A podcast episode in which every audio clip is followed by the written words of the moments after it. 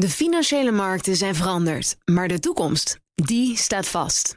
We zijn in transitie naar een klimaatneutrale economie. Dit biedt een van de grootste investeringskansen van onze generatie. Een kans voor u om mee te groeien met de pioniers van morgen. Meer weten? Ga naar carbonequity.com. Carbon Equity. Do good by investing better.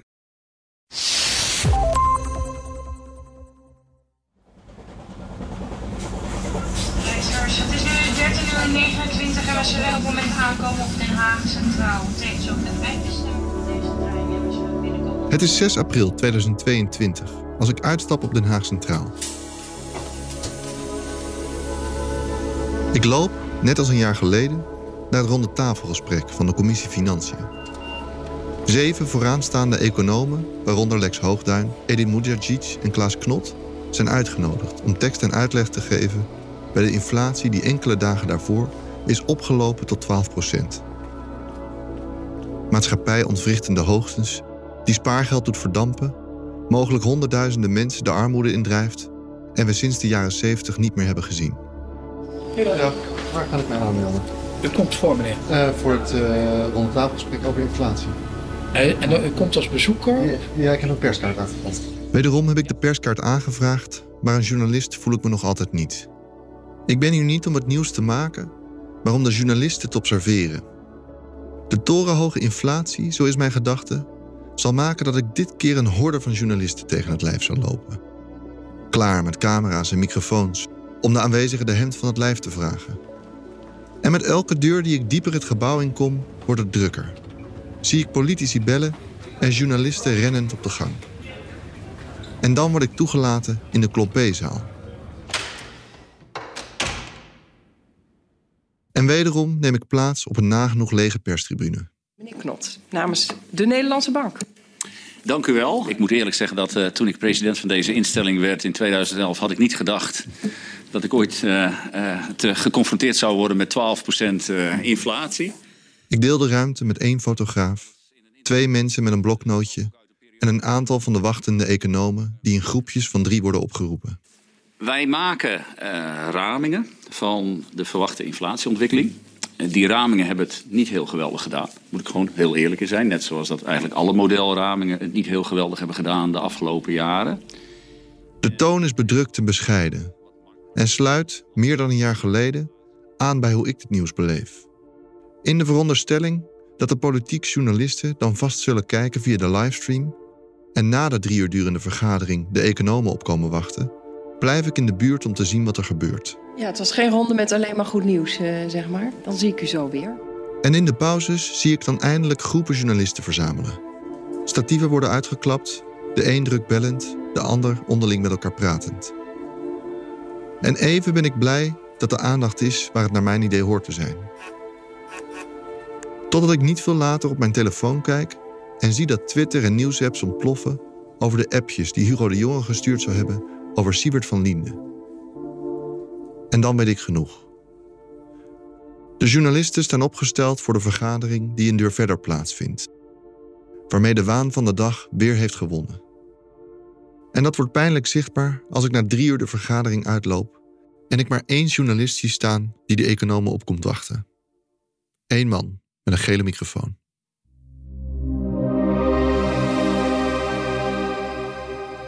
Dit is het nieuwe geld. Een podcastserie van mij, Ryan Prakke, gesponsord door Bitonic, het oudste bitcoinbedrijf van Nederland. Dat de hoge inflatie wel degelijk voor onrust zorgt in de maatschappij, zie ik van dichtbij als ik later in die week met mijn ouders meega naar een financieel adviseur. Oké, okay. alles wat u nu zegt kan ook tegen u gebruikt Ja, worden. nee, dat is heel goed. Mijn vader is nog altijd revaliderende van zijn hartoperaties. En mede daarom vindt mijn moeder het fijn als ik meeluister. Ik denk dat dit het is, hè? Wat is het? Hoeveel zei je? U hebt uw bestemming bereikt. Dit is 7 en dat is dit 5. Oké. Ga je lopen met- met je rolstoel? Wat ga je doen? Nou, laat maar lopen. Hi, hi. Hé, ik kom er gauw in. Ja. Buiten is het koud en nat. Ja. De man, goed verzorgd, maar overduidelijk in vrije tijdskleding, blijkt een oud accountant. En is enkele maanden geleden vervroegd met pensioen gegaan. Sindsdien helpt hij af en toe eens een vriend of een kennis met de financiële vraagstukken. Iets wat ongemakkelijk met de microfoon die hij voor zijn neus krijgt, kijkt hij mij aan. Dus hoe pakken we dit nu aan? Jij gaat vragen stellen? Nee, helemaal niet. Ik ben hier eigenlijk gewoon alleen maar als behang. Ehm, eh, ik, ik voel me ergens mede verantwoordelijk voor het feit dat we hier zitten vandaag. Eh, dat wil zeggen dat ik eh, me onveilig begon te voelen in het soort van economische klimaat wat aan het ontstaan is. Mede door de zoektocht die ik het afgelopen jaar gedaan heb. Na jaren van financiële spanning rondom de torenhoge maandlasten proberen mijn ouders op het dieptepunt van de huizencrisis in 2011 hun woning tevergeefs van de hand te doen. Een huurder vinden lukt na lange tijd gelukkig wel. En zo betrekken ze halverwege 2012 een klein appartement in een flatgebouw aan de rand van de stad. Als hun huis wordt bewoond door een zorginstelling. Achteraf gezien een onbedoelde, maar levensbepalende kering van het lot. Want vanaf dat moment stijgen jaar na jaar de huizenprijzen. Stonden ze financieel eerst nog ruim onder water, trekt de aantrekkende markt ze er na enkele jaren weer uit. Rentes worden vervolgens verlaagd en versneld kan er worden afgelost. Waardoor het onvoorstelbare voorstelbaar wordt. Er wordt weer vermogen opgebouwd. In het najaar van 2021 zitten de financiële spanningen van mijn tienerjaren nog vers in mijn geheugen. En heb ik in 2018 door een investering in cryptovaluta hardhandig geleerd dat virtuele winsten kunnen vervliegen. Ik kijk dan ook met gemengde gevoelens naar de overspannen huizenmarkt. En als dan ineens de huurders te kennen hebben gegeven het pand te verlaten, voer ik de druk op mijn ouders op om het huis in de verkoop te doen. Om daarmee voor eens en altijd echt uit de schulden te zijn. Na veel wikken en wegen wordt mijn ouderlijk huis dan eindelijk verkocht. Maar wat startte als een grote opluchting, begint door de oplopende inflatie eind 2021 al snel een bron van onrust te worden. Er is nu een bepaald vermogen en mijn ouders zijn eigenlijk helemaal niet het type, wat, het type dat normaal gesproken zouden gaan beleggen, in welke vorm dan ook. Het is alleen nu gewoon ja, met oplopende inflatie en negatieve rentes.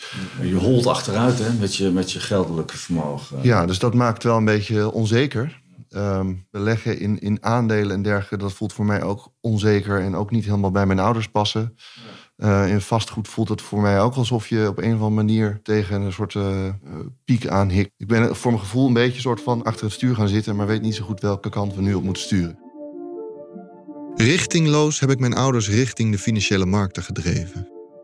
Had een klein beetje inflatie ze onbewogen gelaten, voelen ook zij nu de angst om hun spaargeld in rook op te zien gaan.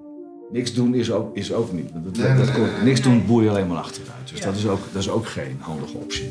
Nee, dus we moeten iets doen. En als je iets doet, nou ja, dan moet je, dan moet je dus een beetje risico nemen. En, eh, maar dat moet wel een, een zeg maar een, een, risico zijn wat je, wat je kunt overzien. En daar schuilt precies het probleem. Als leek zijn de risico's niet te overzien. Dus je vaart blind op vertrouwen. Op zich voel ik een klik met de man die tegenover me zit. Hij is maatschappelijk betrokken en lijkt allerminst gedreven door hebzucht. Dus zou ik enkele jaren geleden het advies van deze man blind gevolgd hebben, ben ik vandaag de dag terughoudender. Nu ik de randen van ons geldstelsel heb bewandeld en heb gezien dat de meest belezen economen over de meest fundamentele zaken anders kunnen denken, durf ik er niet op te vertrouwen dat er een adviseur is die alle macro-economische aspecten van de financiële markten echt kan overzien. Laat staan dat er iemand te vinden is die een redelijke voorspelling van de toekomst kan maken. Dus hoewel ik weinig tegen zijn analyse in kan brengen, stelt zijn advies me niet direct gerust. Dus volgens mij is dan even de conclusie van vandaag dat het helemaal niet gek is om dat vermogen zo snel mogelijk in vastgoed op een of andere manier te zetten. En, uh, ja, en als je een woning koopt, dan weet je dat je, dat, je dat je de hoofdprijs betaalt. Het betalen van de hoofdprijs lijkt vooralsnog de minst risicovolle weg. Dacht ik enkele maanden geleden eindelijk verlost te zijn van mijn onheimische gevoel bij de vastgoedmarkt, duiken we er weer volledig in. Dit keer echter, en daar schuilt voor mij het grote verschil met hun eigen vermogen in plaats van met het geld van de bank. Eigen vermogen kan wellicht verdampen, maar het kan je niet achtervolgen. Maar als de minst risicovolle weg het betalen van de hoofdprijs is, dan zit er een fundamenteel defect in ons financiële stelsel, zou ik denken. Wat is er veranderd? Waar zit het probleem? als een, een groot deel van de schuldcreatie en dus de geldgroei in een land gaat zitten in het financieren van vermogenstitels, dan worden daarmee de markten voor vastgoed, obligaties, aandelen, derivaten, allerlei andere financiële producten worden daarmee in de lucht gehouden. De prijzen daarvan gaan omhoog. Uh, dat is fijn voor wie dat bezit. Dus meestal een zeer kleine minderheid boven in de inkomensverdeling, rijke mensen. Maar daar schiet de economie niet zoveel mee op. dan krijg je dus een financiële sector eh, slash vastgoedsector, want dat is met elkaar verknoopt, die losgezongen raakt van de economie. En dat is het grote probleem van onze tijd als het gaat om ja, wat doet een financiële sector nou met de reële sector. De losgezongen financiële sector zingt, sinds ik dit gesprek met Dirk Bezemer voerde in 2021, onophoudelijk door mijn hoofd. Wat is de financiële sector eigenlijk? En wat betekent het als deze is losgezongen? Hoe merk ik dat? En nu het me medeplichtig voel voor de stappen die mijn ouders richting de financiële sector gaan maken, en sinds afgelopen jaar meer grip heb op het fenomeen geld, voel ik de behoefte om het te begrijpen. En in die zoektocht stuit ik op een reeks onderzoeken, boeken en rapporten over financialisering. Financialisering is eigenlijk simpel gezegd uh, de toenemende invloed van financiële markten over andere uh, delen van de economie en over onze samenleving. En zo lees ik dat onze individuele zoektocht naar rendement een remmend effect op onze collectieve welvaartsgroei kan hebben. Ik lees dat de almaar toenemende hoeveelheid schuld in het systeem en de eenzijdige blik op economische groei ervoor zorgt dat we als maatschappij juist minder snel vooruitgang boeken. En ik lees dat het systeem juist instabieler wordt als een financiële sector onmogelijk omver te krijgen lijkt vanwege zijn omvang. En daar besluit ik deze onderzoeken te gebruiken om me door de financiële sector heen te laten navigeren. Zodoende kan ik leren hoe ons financiële systeem werkt en kan ik op zoek naar de plekken waar het systeem wringt, waar het de ongelijkheid vergroot of waar het niet meer in dienst staat van de maatschappij, maar de maatschappij in dienst lijkt te staan van de sector. En daarom loop ik in maart van dit jaar door een prachtig heuvelgebied in de buurt van Arnhem. De komende dagen ga ik op bezoek bij een aantal mensen die zich nadrukkelijk in de financiële sector en financialisering hebben verdiept. En de eerste die ik aandoe is Ewald Engelen. Ewald is financieel geograaf aan de Universiteit van Amsterdam. Goeiedag, hoi hoi. Een sportieve man, nog deels in sportkleding, doet open. Kan ik uh, iets voor je inschenken? Glas water word ik heel erg Ja? Ja, fijn. Ik haal de hond even naar beneden. Ja, helemaal goed. De hond wordt rustig. Er wordt een glas water voor me ingeschonken en we gaan zitten. Ik begin bij iedereen bij de basis. Wat is ons financieel systeem en wat is de financiële sector? Dat is een hele grote vraag. Um, je zou de financiële sector kunnen zien als eigenlijk net zo cruciaal voor economieën als de onze, als de, de olie- en benzinesector. Het is als het ware een soort hele basale grondstof die alles en iedereen nodig heeft om te kunnen produceren en te kunnen consumeren. Dus uh, in zekere zin zou je kunnen zeggen, dat woord is ook wel gebruikt in het begin van de 20e eeuw, het is een sleutelsector. Net als de energiesector. Het is weer datgene wat iedereen nodig heeft om de dingen te kunnen doen die ze willen doen. Consumeren, produceren en al die andere dingen die mensen nodig hebben. Dus wat dat betreft is het ook wel een van de belangrijkste sectoren in ingewikkelde, complexe, hoog ontwikkelde economieën als de onze. En in de financiële sector is geld de grondstof. En de metafoor die we gebruiken om geld te begrijpen is ook liquiditeit. Water is liquide, benzine is liquide. Het stroomt als het ware overal en het heeft allerlei vertakkingen. En uiteindelijk komt het terecht op de meest afgelegen plekken, als het goed is, van onze economie. De financiële sector laat geld vloeien van A naar B. Van mensen die geld te veel hebben naar mensen die geld kunnen gebruiken. Oftewel de kapitaalallocatie. Spaarders hebben geld over uh, en of dat nou uh, ondernemingen of individuen zijn, dat doet er eigenlijk niet toe, maar die hebben geld over. En er zijn allerlei andere ondernemers die graag uh, geld willen gebruiken om te investeren in fabrieken, in nieuwe producten en al die andere dingen die wij mooi en fijn vinden. En, en, banken zijn als het ware de, de cruciale tussenpersoon die ervoor zorgt dat ze aan de ene kant al dat spaargeld opvangen en ja, een kleine tegenprestatie geven, namelijk rente aan degene die hen dat spaargeld uitgeleend hebben. En dat vervolgens weer doorsluizen naar ondernemers en ondernemingen die dat willen gebruiken voor investeringen. De financiële sector stelt ons in staat om geld dat we nog niet verdiend hebben naar voren te halen. Hierdoor kunnen bedrijven uitgaven doen die ze anders pas over enkele jaren hadden kunnen doen. Zo zijn ze sneller winstgevender, kunnen ze meer mensen aan het werk houden, hogere salarissen uitkeren en innovatiever zijn. Maar door geld te lenen over tijd krijg je te maken met risico's. Want de toekomst valt nooit te voorspellen. Zo kan er een oorlog uitbreken of een pandemie. En daarmee vervalt de garantie dat iemand zijn lening ook daadwerkelijk terug kan betalen. De tegenprestatie voor het risico dat iemand neemt om zijn geld mogelijk niet terug te krijgen is rente. Oftewel, rente is de prijs voor geld. De kapitaalallocatiefunctie was tot de jaren 70 veruit de belangrijkste functie van de financiële sector. Maar door de liberalisering van de afgelopen decennia is die functie steeds meer op de achtergrond komen te staan en werd het handelen belangrijker.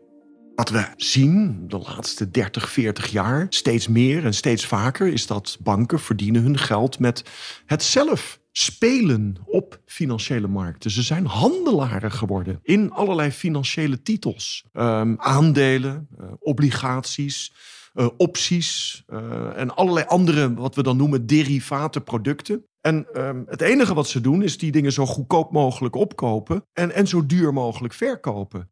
En het tijdsverschil tussen kopen en verkopen kan soms een nanoseconde zijn. Zo snel gaat dat.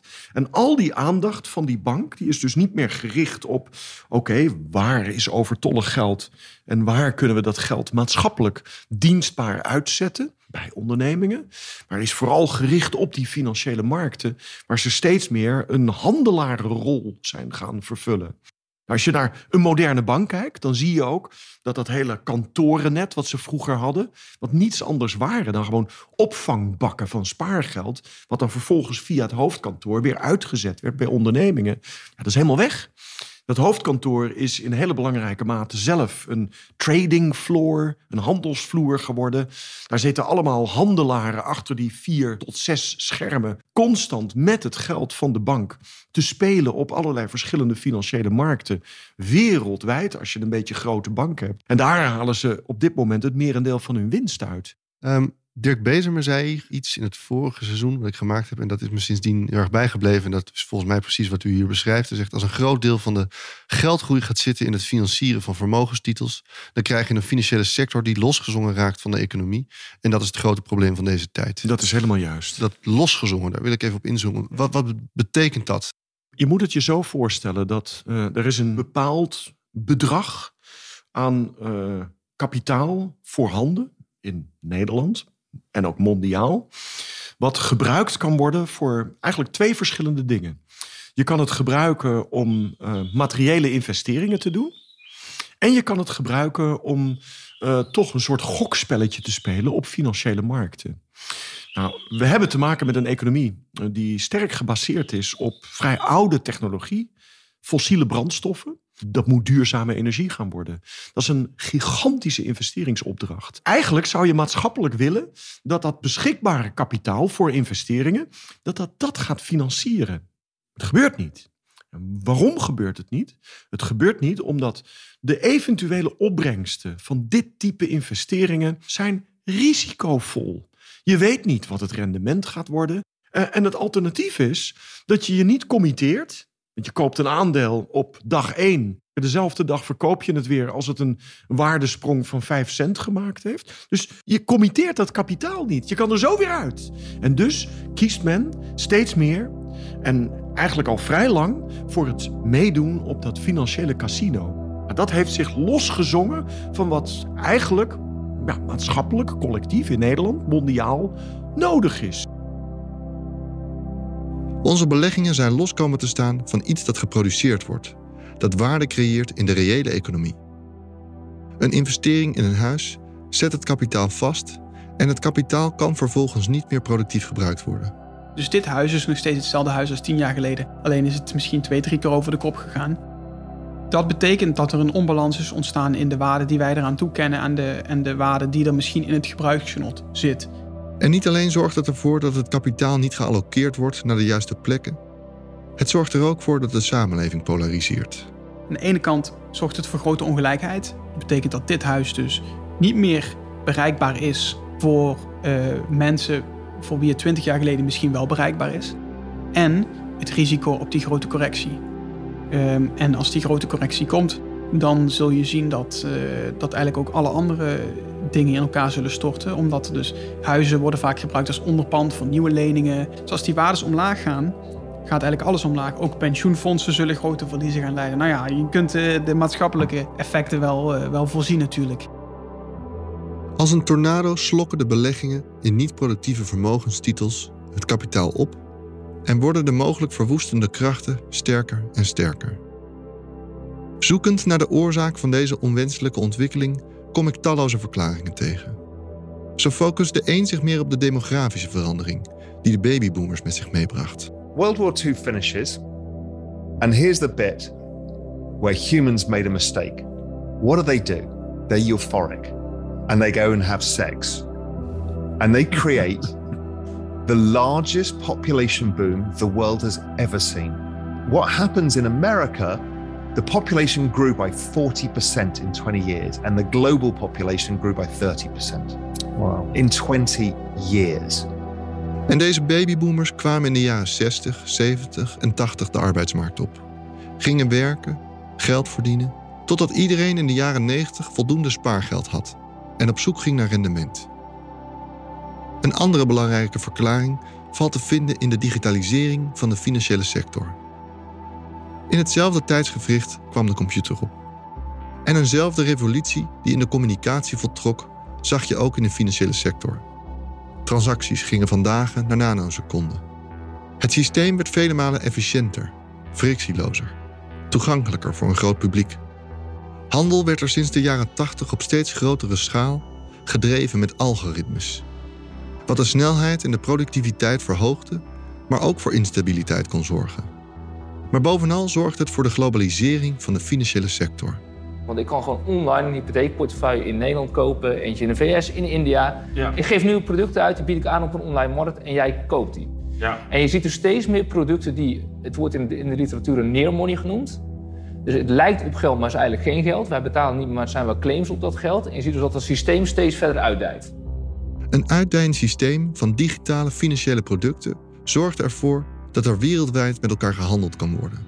En tegelijkertijd de afstand tot de reële economie wordt vergroot. Zoals ook sociale media ervoor gezorgd heeft dat we contact kunnen hebben met een persoon aan de andere kant van de wereld, maar we lang niet altijd een idee hebben van de persoon die achter de nickname schuilt. Door het weghalen van de fysieke barrières heeft de digitalisering ervoor gezorgd dat er vrijwel ineens overal ter wereld gehandeld kon worden. Dus je kunt gewoon bankactiviteiten verplaatsen naar Malta of naar Estland of naar de Bahama's en daar die activiteiten uitvoeren. En dan is de vraag, nou ja, fysiek zijn ze daar, hebben ze daar nog een, iets geregistreerd. Maar wat stelt het verder voor? Er hoeft dus steeds moeilijker ook om toezicht op te houden. Dus wat die toezichthouders proberen, de fundamentele vraag is, is het eigenlijk wel mogelijk? Hoe kun je toezicht houden in een digitale wereld die geen landsgrenzen kent? En hoewel ik al deze trends fascinerend vind, focus ik me meer op de politieke veranderingen. De politieke veranderingen kunnen me namelijk leren in welke mate wij als samenleving het schip de andere kant op kunnen laten varen. En door te kijken naar waar we vandaan komen, kan ik wellicht ook zien of we daar naar terug moeten verlangen. Of wellicht een hele andere weg in moeten slaan. De belangrijkste politiek-economische paradigmaverandering vindt ook in deze periode plaats. Men ging compleet anders denken over de wijze waarop de economie gestimuleerd moet worden. Het verschoof van de vraagkant naar de aanbodkant van de economie. Een economie heeft twee kanten. Dus een aanbodkant, de productie die verricht wordt. En er is de vraagkant. Dat zijn de consumenten die dingen willen kopen. In het Keynesianisme ligt de nadruk heel erg op de vraagkant. Um, je zorgt er als overheid voor dat uh, je land welvarend blijft en dat jij als politicus in het zadel kan blijven te zitten. Uh, op het moment dat je erin slaagt om de consument um, eigenlijk vrij constant over een groei in zijn besteedbaar inkomen te laten beschikken. En uiteindelijk is dat ook in het belang van de factor kapitaal, de producenten, omdat die daardoor ook eigenlijk constant hun producten kunnen verkopen. Door ervoor te zorgen dat de vraagkant, de burgers, over steeds meer loon beschikken, zorg je ervoor dat ze steeds meer producten kunnen kopen. En zo gaat een economie steeds beter draaien. Betekent dat je een verzorgingsstaat nodig hebt met uh, goede uitkeringen. Dat die uitkeringen ook redelijk lang moeten kunnen doorlopen. Dat ondanks de cyclus die economieën nou eenmaal kenmerken, ook als het slecht gaat, uh, consumenten kunnen blijven kopen.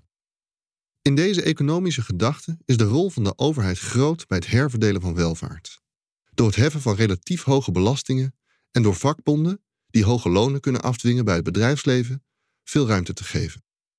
Maar op den duur werden de vakbonden dusdanig machtig dat veel bedrijven meenden dat ze door de hoge loonkosten geremd werden in hun groei. En dat geluid vond steeds meer weerklank in de politiek.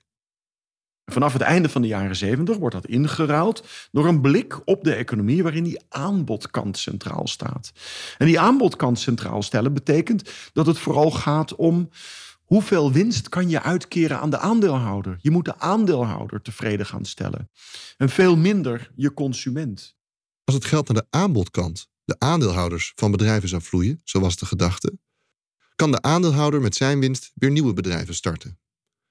Zo wordt een economie efficiënter, stimuleer je ondernemerschap en daar heeft ook de bevolking uiteindelijk profijt van. En om die aandeelhouder tevreden te stellen, moet je juist aan loonmatiging gaan doen. Dus de macht van de vakbonden, die dus hoge looneisen kunnen stellen, moet op de een of andere manier gebroken worden. En zo zie je in die jaren, aangevoerd door Reagan en Thatcher, dat in de westerse landen de machtige vakbonden de kop in worden gedrukt. De beste manier om dat te doen is um, productie, consumptie en kapitaalverkeer grensoverschrijdend te kunnen maken. Waardoor de werkgever in staat is om te zeggen: oké, Jij wil, uh, bent niet bereid om uh, genoegen te nemen met dit loonaanbod wat ik jou doe, loonmatiging. Oké, voor jou tien anderen. En die tien anderen die zitten dan niet in Nederland, maar die zitten in Polen, in Hongarije, in Tsjechië en al die andere landen. En even later ook nog in China en Zuidoost-Azië. En over de implicaties van deze paradigmaverandering praat ik met Ron Stoop. Ja, dankjewel man. Het is een beetje krap hier, want... Uh... Ja, nou, dat komt wel langs. Ron is een politicoloog die schrijft op het snijvlak van economie, politiek en geschiedenis. Tijdens het eerste seizoen zijn we op Twitter met elkaar in gesprek geraakt. En hebben zodoende een aantal keer digitaal contact gehad. En in die gesprekken wist hij de machtsverschuivingen zo te duiden dat er voor mij een hoop op zijn plek viel. Ik wil met je inzoomen op de oorzaken van de financialisering. Nou heb ik uh, onder andere jouw boek, maar ook andere dingen over financialisering gelezen. En eigenlijk komen daar heel veel dingen samen. En ik vind het heel moeilijk om die te wegen. Dus je, je hebt aan de ene kant globalisering, demografische veranderingen door, door babyboomers. Je kan het hebben over technologische verandering, paradigmaverschuiving in het politiek-economisch denken. Wat zie jij als de belangrijkste oorzaken daarin? Als ik het in één zin zou samenvatten, zou ik zeggen: financialisering is een gevolg van het feit dat wij als samenleving er niet genoeg in slagen om zeg maar, het financiële stelsel adequaat te reguleren en te zorgen dat het in dienst staat van de samenleving. Dus mensen in de financiële sector zijn vaak slim, hebben goede connecties, uh, ook historisch gezien natuurlijk. Nederland ook, maar ook Verenigd Koninkrijk, grote financiële sectoren. En het is hun gelukt om de regels die er toen waren zo te veranderen dat het eigenlijk in hun eigen voordeel werd. Dus dat is de onderliggende strijd. De onderliggende strijd gaat over de regels die we als maatschappij stellen aan de financiële sector. Regels over de mate waarin krediet gecreëerd kan worden. Regels over waar het geld naartoe moet gaan in een samenleving. In de jaren 50 en 60 is het de financiële sector zelf die probeert de regels te omzeilen. De eerste belastingparadijzen komen op en er wordt in Engeland een ongereguleerde dollar, de eurodollar, in het leven geroepen. Deze eurodollar zorgt er, samen met de uit de klauwen lopende kosten van de Vietnamoorlog, voor dat Amerika in 1971 de goudstandaard los moet laten. Waar de koppeling aan goud decennia lang zorgde dat de geldcreatie in bedwang werd gehouden, komt de regulering van de geldhoeveelheid in handen van de financiële sector zelf. En als de sector de politieke winst vervolgens ook nog in de zeilen krijgt, vindt op hoog tempo een verdere deregulering plaats. Wat je ziet is dat vanaf de ja, midden, eind jaren 70 de vrije markt wordt gezien als goed.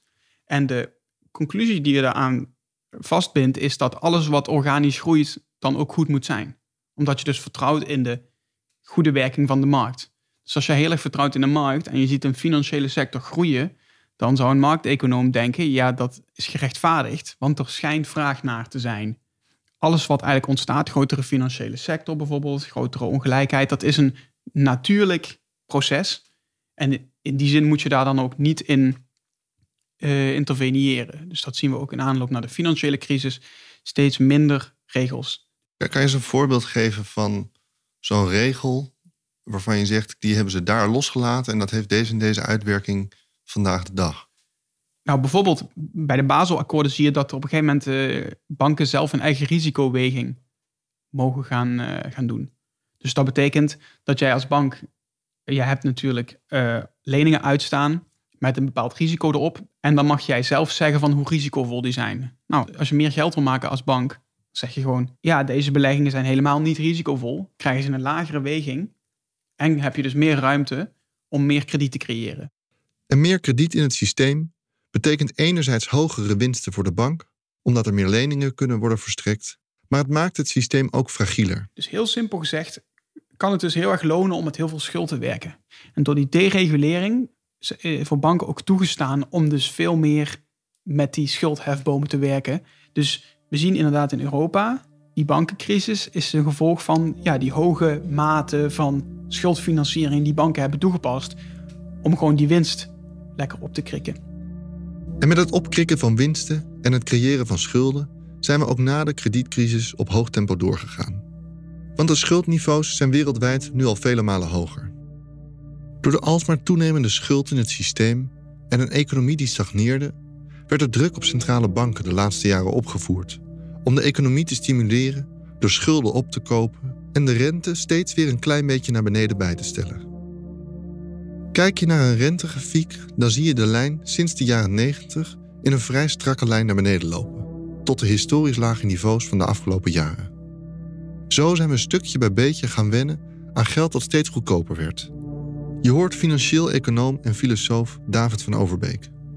We zijn ook verslaafd aan die lage rentes geraakt als maatschappij. Als geld makkelijk toegankelijk is, dan zie je ook dat het verschil tussen wat een waardevolle investering is en wat een minder waardevolle investering is, kleiner wordt. Immers je neemt minder risico door geld te lenen. Op individueel en bedrijfsniveau leken de risico's van geld lenen tot het omslagpunt halverwege 2022 minder. Maar zoom je uit en kijk je naar de maatschappelijke risico's, dan namen die op veel vlakken toe.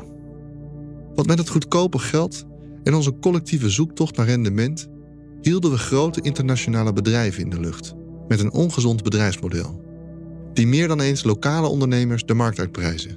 Bedrijven als Uber die gewoon jarenlang geen winst maken, maar wel financieringsronde na financieringsronde binnenhalen. En dat komt, dat eigen vermogen krijgen ze onder andere omdat die grote jongens, het institutionele geld, de pensioenfondsen, ook niet ergens met dat geld terecht kunnen. Dus ze moeten wel bijvoorbeeld investeren in dat soort bedrijven.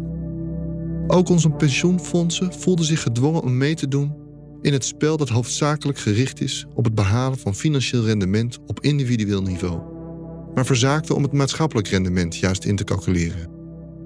Zo creëerden we een samenleving waarbij alle ogen gericht zijn op onze eigen winsten, zonder dat we inzien dat we als samenleving aan het verliezen zijn. Yes, yes. En aan de stok? Ja, dank u wel. Ja. De machtsverhoudingen zijn niet meer in balans. Maar zoals de geschiedenis ons leert, valt elke machtsconcentratie te breken. Zodat we steviger op beide benen komen te staan. Vallen moet je niet, eh, Hans. Nee, dat doe ik ook niet. Nee, dankjewel hè. Dat begint bij de politiek en daarmee in feite bij onszelf.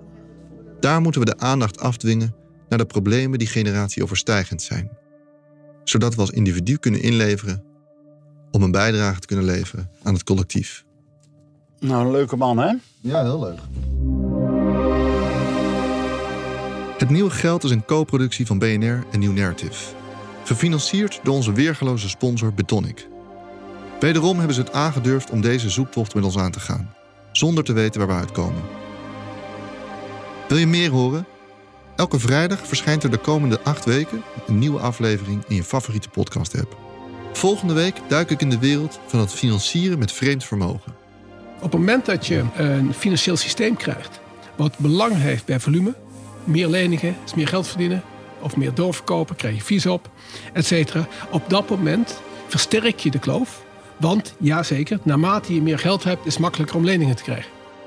Ik ben veel dank verschuldigd aan alle economen, bankiers, onderzoekers en journalisten die belangeloos aan deze podcast hebben meegewerkt. De muziek en het sounddesign is gedaan door Joshua Petit, Jelle Houbé en Marie Koning. De edit deed ik samen met Diede van Vree. En de eindredactie is in handen van Eline Ronner en Wendy Beenakker. Wil je dat meer mensen deze podcast horen? Laat dan alsjeblieft een recensie achter in je favoriete podcast-app en deel hem op alle mogelijke kanalen.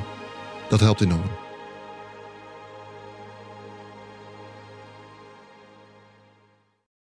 De financiële markten zijn veranderd, maar de toekomst, die staat vast. We zijn in transitie naar een klimaatneutrale economie. Dit biedt een van de grootste investeringskansen van onze generatie. Een kans voor u om mee te groeien met de pioniers van morgen. Meer weten? Ga naar carbonequity.com. Carbon Equity. Do good by investing better.